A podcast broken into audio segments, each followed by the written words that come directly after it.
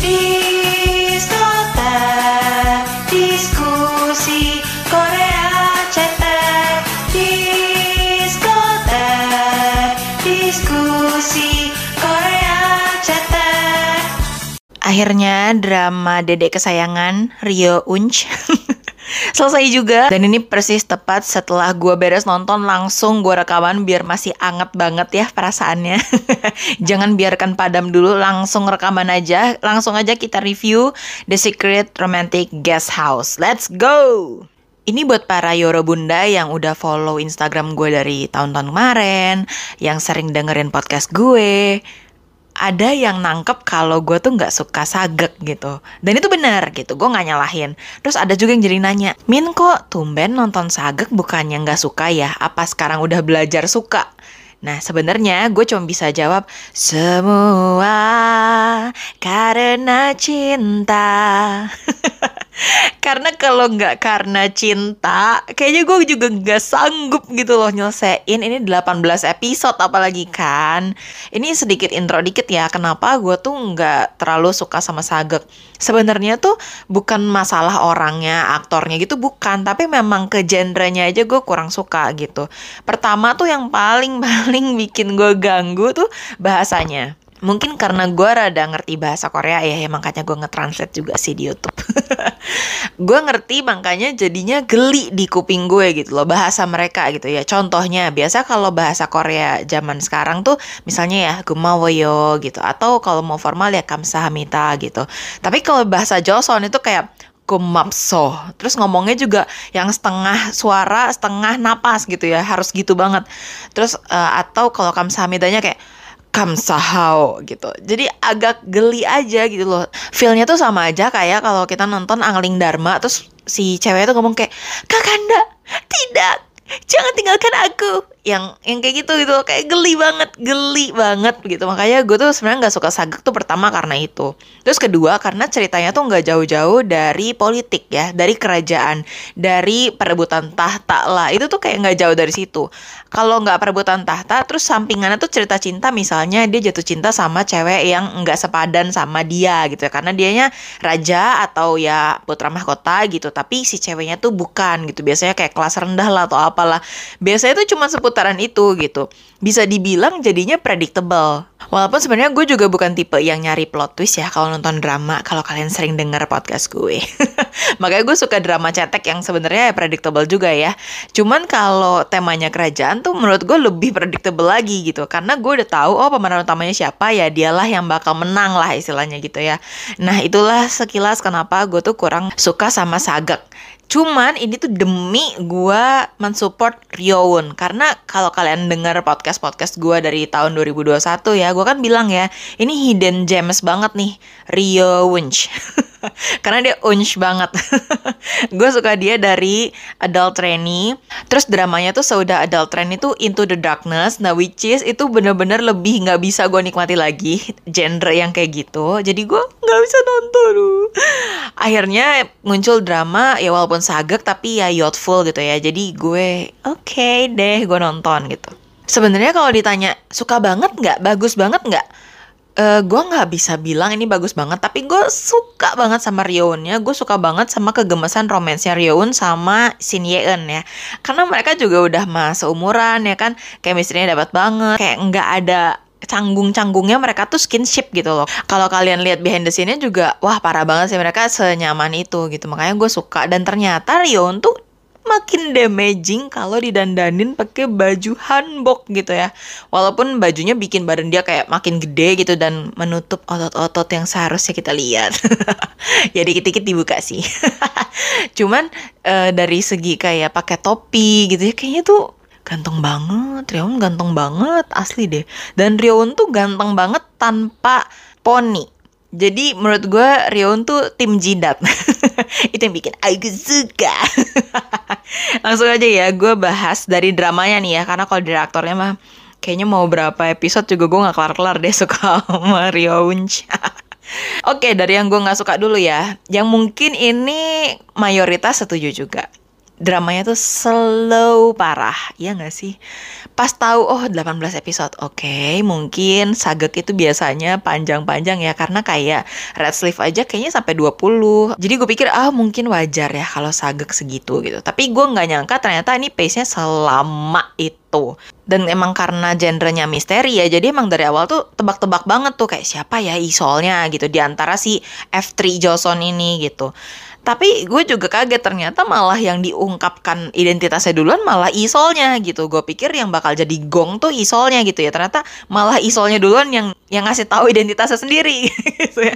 Di episode 8 akhir Kang Sannya ngasih tahu Nega Paro Isorita itu yang gue rada keselnya tuh ya kayak ngomong satu kalimat aja tuh lama gitu loh aduh harusnya nontonnya di fast forward aja kali ya terus udah gitu Isolnya sendiri aja baru tahu siapa penjaganya itu episode 10 akhir gitu loh terus udah gitu Isol akhirnya tahu Igyom uh, yaitu Yuha itu pura-pura jadi Isol itu di akhir episode 12. Jadi gue tuh ngerasanya ya kayak setiap minggu tuh ada sesuatu yang di reveal tapi kenapa nggak per episode aja gitu loh. Ini tuh menurut gue ya kalau dipadetin misalnya jadi setengahnya atau ya jadi 12 eh, episode atau 14 episode harusnya bisa gitu loh. Karena jatuhnya jadinya di episode hari Senin tuh kayak oh ya gue nggak dapat apa-apa gitu. Kadang tuh kayak kosong aja.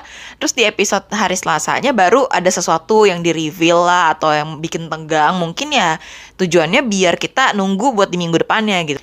Terus udah gitu masalah persembunyian Hongju. Hongju kan selama ini pura-pura jadi mati gitu kan. Biar nggak ketahuan sama Jang Taekwon. Eh akhirnya baru ketahuannya di episode 13. Which is menurut gue kayak ini Jang Taekwon ke mana? mana aja.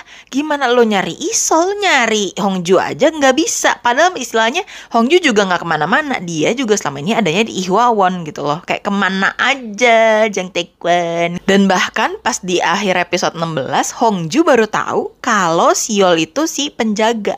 Jadi kayak gue jatuh cinta sama orang yang bunuh tunangan gue gitu. Lah, ini tuh terlalu lama gitu. Gue sampai mikir ini penyelesaian Hongjo sama Siol gimana ya? Sisa dua episode doang masalahnya gitu.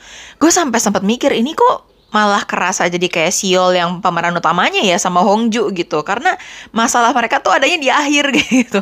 Kayak lebih tegang dibandingin masalahnya Kang San sama Dano gitu loh. Kayak agak-agak nyuri spotlight ya menurut gue sih Terus udah gitu tegangnya juga emang di akhir-akhir ya. Cuman entah kenapa di episode 17 gue nggak merasakan ketegangan itu. Ya kayak tadi gue bilang ya, di episode ganjil tuh kayak nggak terlalu tegang. Tegangnya tuh baru di episode genapnya gitu. Ya sama aja kayak gue kemarin nonton episode 17 tuh kayak oke, okay, oke okay, gitu. Kayak baru nyusun strategi gimana nih caranya pemberontakan gitu kan. Baru di episode 18 cas gitu. Dilancarkan lah si pemberontakan itu gitu. Jadinya kayak loh kok ini di akhir banget ya? Bahkan di episode 17 itu tuh si Icang rajanya belum tahu kalau ternyata Isol itu Kang San gitu loh. Jadi menurut gue ini kayak gue sebenarnya agak khawatir ya di episode 18 akankah terlalu buru-buru penyelesaiannya? Karena kayak apa ya masalah yang udah ditumpuk gitu ya selama ini udah berapa puluh episode ini pecahnya di akhir doang gitu. Yang menurut gue sebenarnya tuh ya pemberontakannya juga kenapa baru dijalankannya satu kali gitu ya. Sebenarnya dibilang satu kali. Satu kali yang gede lah ya. Karena sebelumnya Kang San udah pernah manah Icang ya kan. Dan Icang udah kayak hampir metong gitu waktu itu. Tapi akhirnya hidup lagi. Cuman maksud gue kenapa selama ini nggak Yuha aja yang mimpin ya pernah lah nyerang sekali lah Yuha lah gitu udah beberapa episode Yuha tuh pura-pura jadi Isol kan. Tapi akhirnya dia juga tahu kalau ternyata Isol tuh Kangsan gitu. Nah, pas dia pura-pura, kenapa nggak ada pergerakan gitu? Yang gue liat cuman kayak upacara doang gitu loh. Maksud gue kayak uh, mendingan dia ada something gitu yang bergerak terus dari situ baru Isol tuh tahu kayak, hah, kok udah ada yang nyerang sih? Kayaknya tuh bakal lebih menegangkan lagi gitu ya. Adegan nyerang-nyerangnya ini karena belakangan tuh sebelum-sebelumnya tuh adegan berantemnya bisa dibilang nggak banyak. Secara ini ceritanya mau memberontak ya, tapi kayaknya tuh nggak terlalu wah gitu. Bahkan bisa dibilang sampai akhir pun berantemnya nggak terlalu banyak yang dilawan gitu. Padahal istilahnya Icang itu kan raja yang sekarang ya. Masa pengawalnya nggak ada yang bantuin sih gitu. Dan mungkin ya, mungkin karena itu juga jadinya ratingnya ya sekitar 3-4% aja gitu.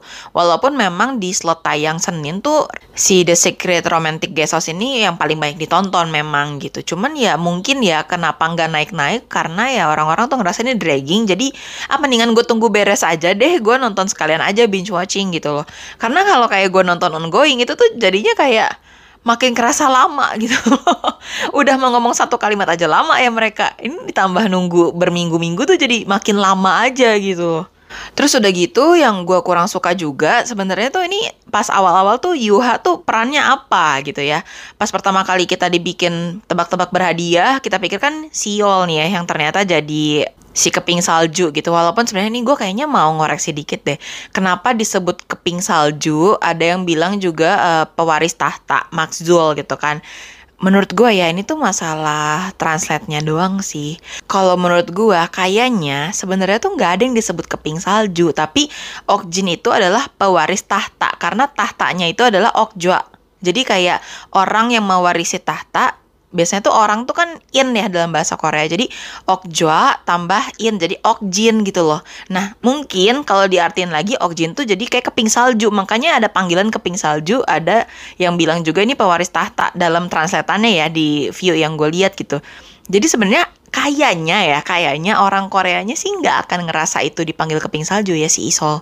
Kalau menurut gue karena awal-awal gue bingung kayak ada orang yang nanya gini, jadi menurut kalian siapa keping salju, siapa si pangeran? Loh, Padahal kan itu orang yang sama gitu, sama-sama Isol gitu.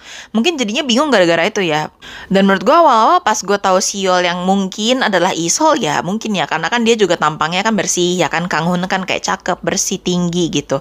Nggak akan ada yang nyangka kalau ternyata dia tuh malah si penjaga gitu. Kita semua tuh kayak percaya aja gue sih, percaya aja kayaknya kalau Kang San yang jadi penjaga secara kan dia lebih kekar, lebih kayaknya lebih luas gitu main pedangnya gitu kan, lebih namja gitu kan. Dan menurut gue sih walaupun Kang San misalnya jadi beneran penjaga, buat gue dia tetap main leadnya.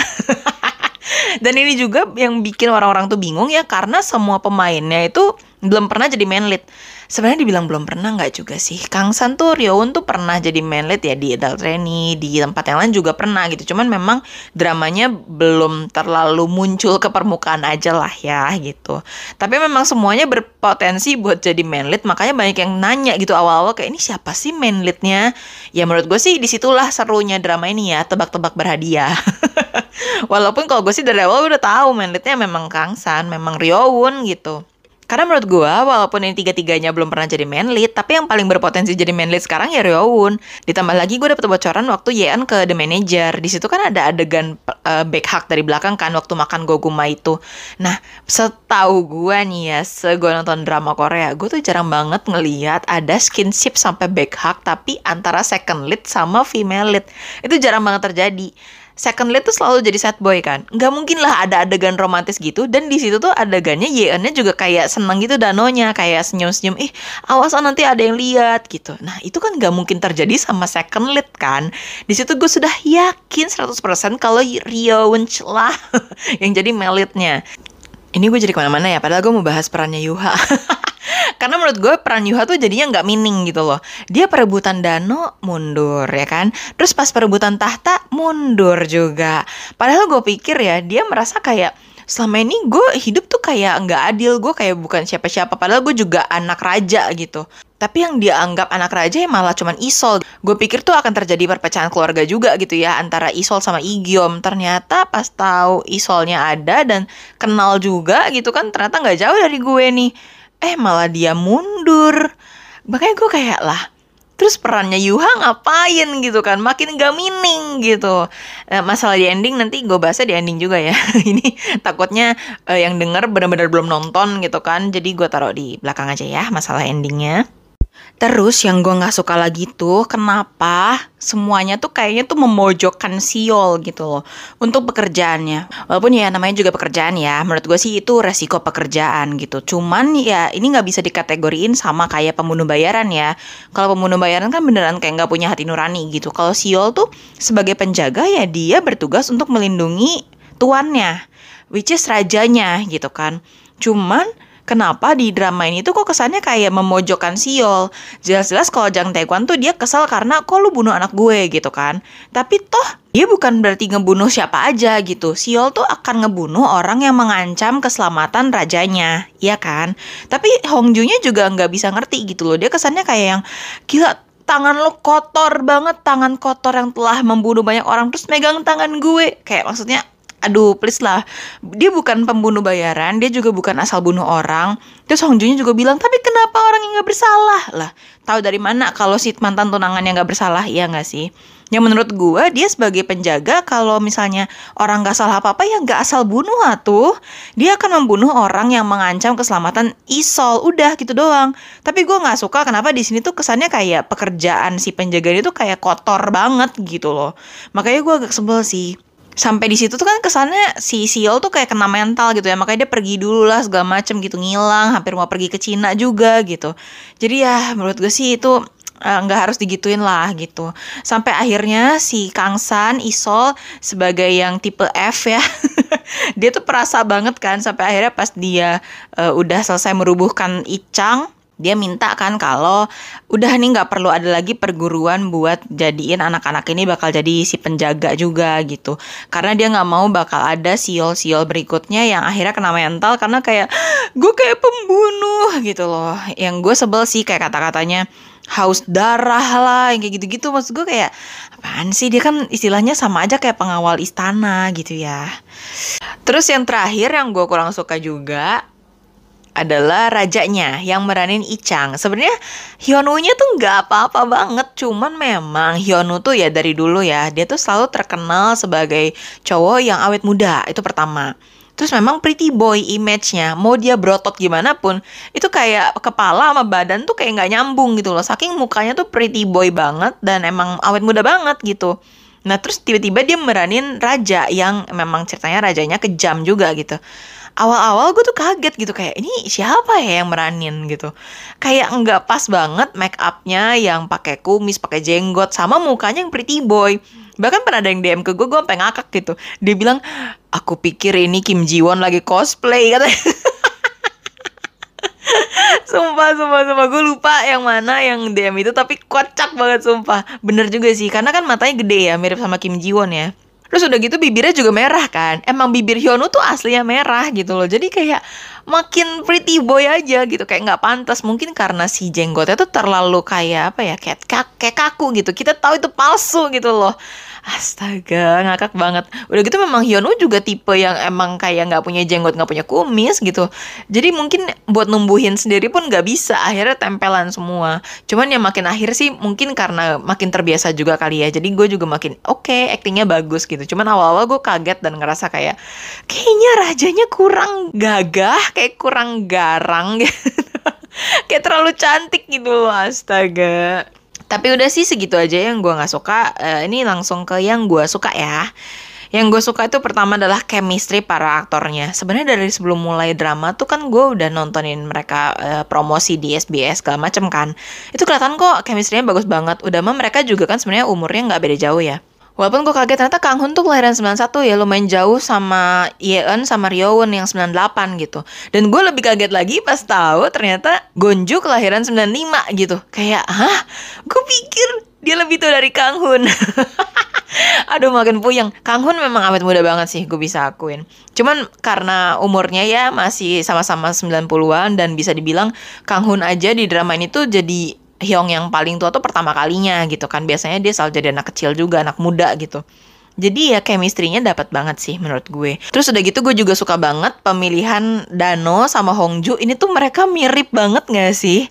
Ya selain sama-sama dikasih tai lalat di hidung ya. Walaupun kalau Yeon mah asli ya. Kalau yang meranin Hongju asli gak sih? Pasti ditambahin gak sih? Karena kayak apa ya bisa banget mukanya mirip masa sama-sama punya tailat di hidung gitu. Ini kayak disamain banget. Dan tapi mirip banget gitu. Kayak kalau mereka dibilang beneran kakak adik kayaknya gue percaya gitu mirip banget. Terus udah gitu gue juga suka sama cerita misteriusnya ya. Terbukti ya dari awal tuh kayak siapa melitnya? Siapa isol? Siapa keping salju? Gitu. Semua ribut. Kan gue mah percaya aja ya orangnya kayak apa yang disuguhin ya gue telan aja gitu kalau nonton drama. Jadi pas kira-kira oh kayaknya siol nih jadi isol ya udah gitu. Terus ternyata oh bukan Kang San yang jadi penjaga ternyata malah Kang San yang jadi isol. Ya udah. Gue kaget tapi gue telen gitu loh kayak cuman hah? Oh ternyata salah ya? Ha. Udah gitu aja biasanya gue Cuman ya tetap ya feeling Nuna memang tidak pernah salah. Dedenya itu adalah main lead. Terus udah gitu yang gue suka lagi adalah ini hanboknya ya.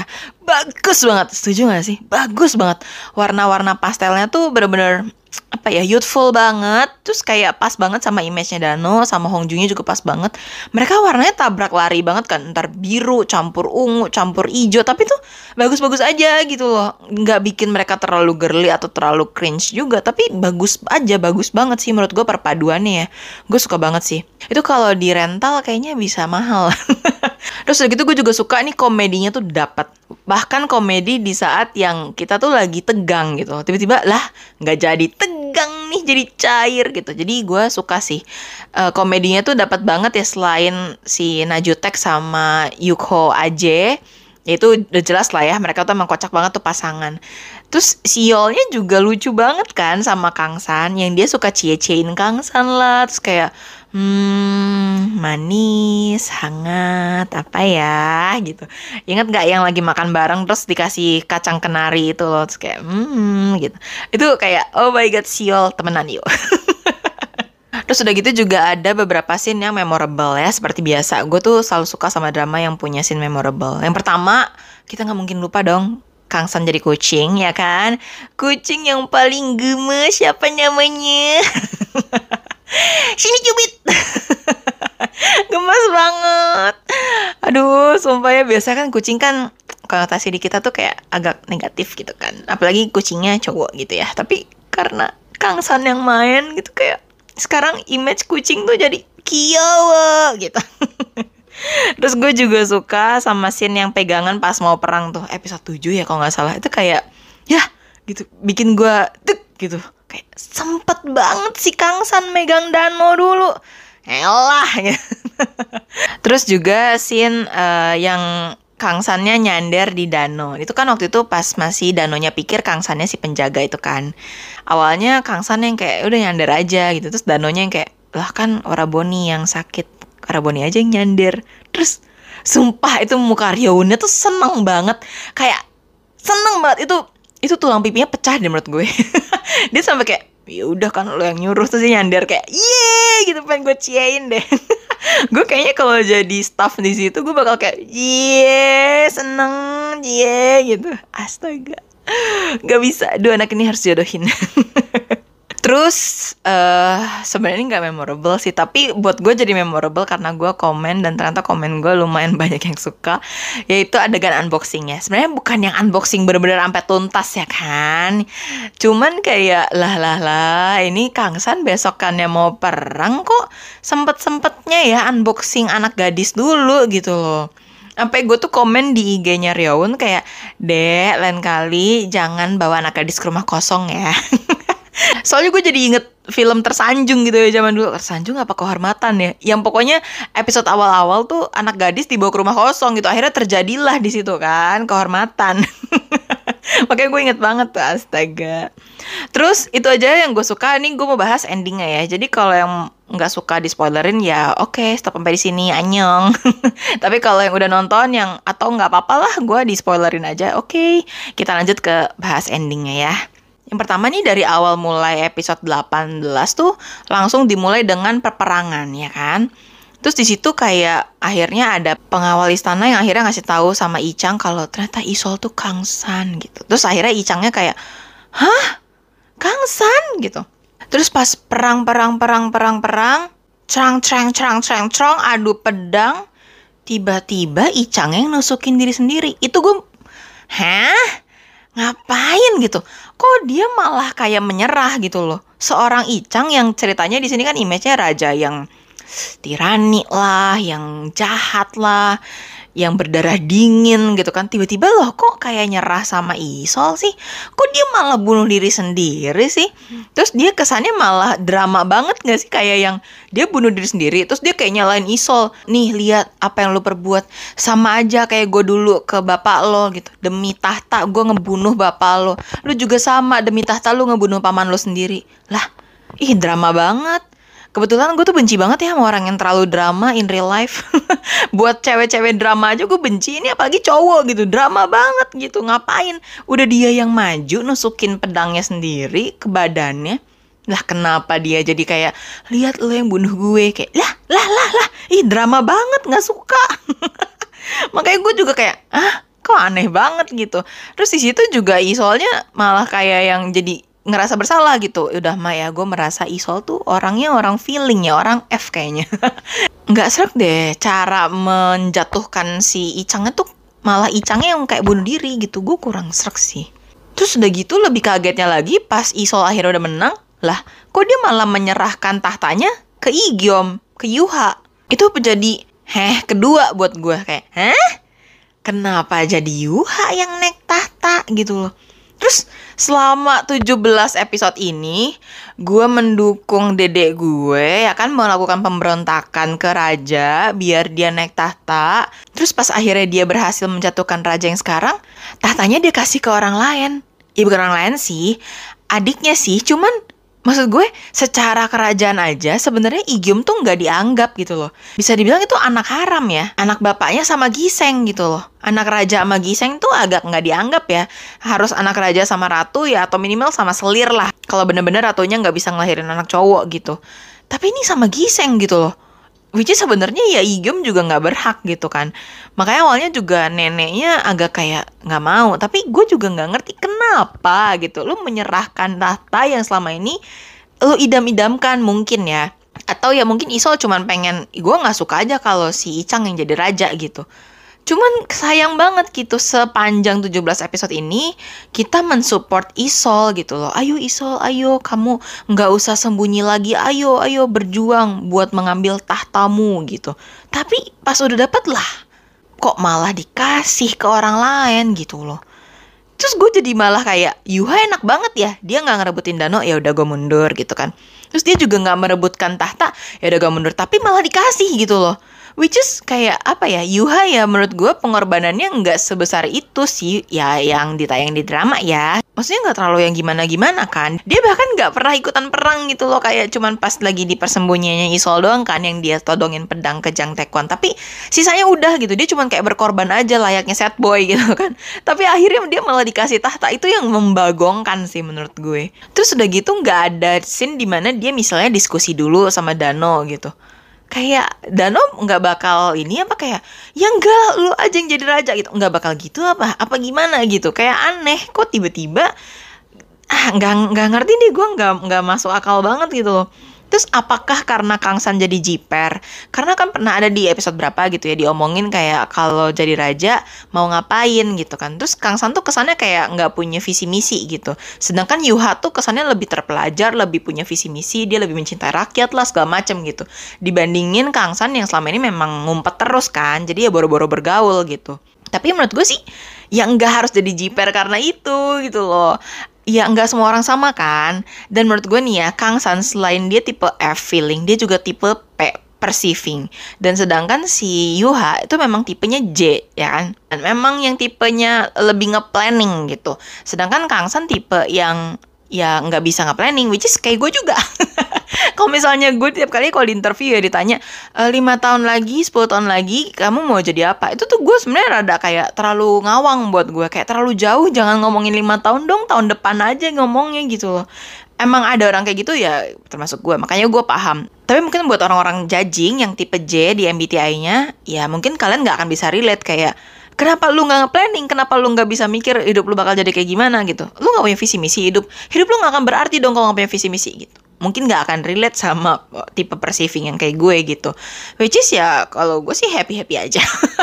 Pokoknya kita enjoy every day in our life ya kan? Karena we only live once gitu. Ya, intinya kayak gitu. Mungkin Kang San juga kayak gitu ya tipe yang kayak ya gue pengen aja ngejatuhin si Icang gitu. Tapi buat gue jadi raja gue bakal kayak gimana ya? Gimana nanti gitu. Bisa aja kan? Dan menurut gue itu nggak harusnya jadi penghalang buat dia maju jadi raja gitu loh. Makanya kayak gue masih nggak terima si adik gue nggak jadi raja Terus udah gitu gue juga seneng banget akhirnya uh, Najutek sama Yuko Aje tunangan ya kan akhirnya ada kejelasan nih sama hubungan mereka karena gemes banget. Terus udah gitu adegannya kan setelah si Yuhanya naik tahta jadi raja tuh tiba-tiba kayak dua tahun kemudian gitu kan. Nah di situ tuh Dano udah berubah baju, berubah uh, tatanan rambut. Itu tuh karena Dano tuh udah nikah kalau yang sering nonton saga harusnya lebih ngeh lagi ya dibandingin gue. Karena kalau udah nikah tuh ya sanggulnya lebih kayak gitu, kayak sanggul kita kalau kartinian gitu. yang sanggulnya di bawah terus kayak ditusuk gitu loh sama tusukan. Sedangkan kalau dia belum nikah kan dia masih dikepang panjang gitu kan. Makanya kelihatan tuh bedanya tuh. Dano dia udah sanggul kayak gitu sedangkan kakaknya Hongju itu masih dikepang ya kan dan bajunya juga beda. Bajunya Dano udah pakai hanbok yang hanbok yang biasa kita rental lah ya kalau ke Korea. Sedangkan bajunya Hongju itu masih hanbok yang kayak kemarin yang biasa yang kayak rumah gitu. Cuman ya gue gak kecewa ya kenapa nggak ada perayaan pernikahannya. Jadi pas si Isolnya juga udah uh, Yuha aja deh yang jadi raja. Itu menurut gue juga memang di situ dia lebih milih Dano dibandingin tahta gitu loh.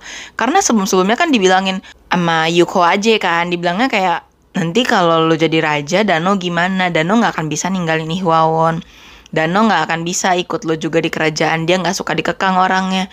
Terus Dano juga bilang kan kalau Raboni jadi raja mau apa? Gitu. Terus ditanya kalau Dano maunya apa? Dano pengennya jalan-jalan yang jauh. Terus ya udah deh Babang ikut ya kan? Akhirnya dia lebih memilih cinta dibanding tahta ya kan Cuman gue sedih kenapa nggak ada adegan nikahnya ya kan. Tapi ya nggak apa-apa sih. Akhirnya digantiin sama pernikahannya Hongju dan Siol. Walaupun gue agak sedihnya kayak kok pas Hongju sama Siolnya balikan tuh gitu aja gitu. Cuman ya udahlah ya. Diobatin sama uh, adegan pernikahannya si Siol sama Hongju. Cuman udah gitu gue juga makin kasihan sama Yuha ya karena Yuhanya juga datang kan ke pernikahannya Hongju sama Siol di situ tuh gue ngerasa kayak oh my god Yuha lo udah jadi raja nih sekarang ya. Istilahnya dia bisa punya segalanya gitu kan. Dia milih cewek mana pun juga bakal bisa gitu kan mau sama dia. Apalagi cakep kan gitu. Tapi kok gue tetap merasa dia sepi the true sad boy. Walaupun awalnya gue pikir kayak kayaknya dia nggak set set amat deh. Yuha kan apa? Cuman bayarin utangnya Dano. Terus dia cuman mau ngasih sepatu. Tapi udah gitu kan. Sedangkan sad boy yang lain yang ada di drama lain gitu itu kan melakukan hal yang lebih gitu bahkan ada yang mempertaruhkan nyawa gitu kan nah ini tuh Yuha menurut gue nggak seberapa set boynya gitu ya cuman sampai akhir gue ngerasa kayak lu udah jadi raja aja tapi kayak masih kesepian hmm, Yuha tapi ya baguslah Dano akhirnya bayar utangnya ya. Gue pikir Dano lupa bayar utang. Atau mikir, ah udahlah, lu kan udah jadi raja ya. Lu udah punya segalanya, lu nggak perlu kali duit gue lagi. Biasa kan yang utang gitu ya. Eh. yang ngutang mikirnya kayak udahlah kamu kan udah kaya ngapain minta duit lagi lah ya kan situ ngutang yang ngutang berkewajiban untuk mengembalikan hutangnya jadi ini Dano bayar utang tuh ya harusnya mengetuk pintu hati yang suka ngutang nih colongan. nah di sini Dano menepati janji, akhirnya dia balikin duitnya. Terus akhirnya Yuha si sad boy bisa juga skinship sama Dano, tapi dia minta izin dulu, boleh peluk nggak? Oh,